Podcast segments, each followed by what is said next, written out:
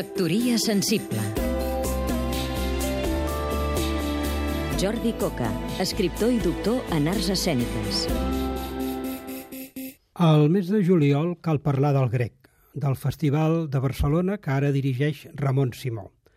Maria Aurelia Capmany sempre deia que l'arribada de l'estiu no suposava necessàriament cap pèrdua de facultats intel·lectuals. Per tant, encara que fes calor, als ciutadans també se'ls podia oferir teatre, música i tota mena de productes culturals. És el que fa el grec. Ara bé, no tothom sap que aquest teatre a l'aire lliure va ser inaugurat el 1929 amb motiu de l'Exposició Internacional de Barcelona però quedava massa lluny del centre i va caure en desgràcia. Fins al 1936 només va funcionar 15 dies. Naturalment, amb la guerra la cosa va empitjorar.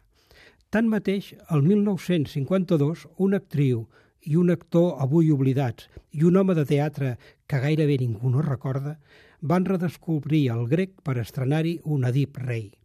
Ens referim a la gran Mercedes de l'Aldea, a Lluís Tarrau i al benvolgut amic Juan Germán Roeder, que tampoc és entre nosaltres. De fet, la història d'aquest teatre d'estiu és ple de noms avui injustament esveïts. Ningú no recorda qui era i què va fer Dolly Latz, per exemple. En qualsevol cas, el 1976, l'Assemblea d'Actors i Directors va iniciar l'etapa moderna dels grecs – era un any de grans dificultats pel sector de les arts escèniques i els homes i les dones de teatre van decidir autogestionar-se. El seu gest valent ens ha dut fins avui. Factoria sensible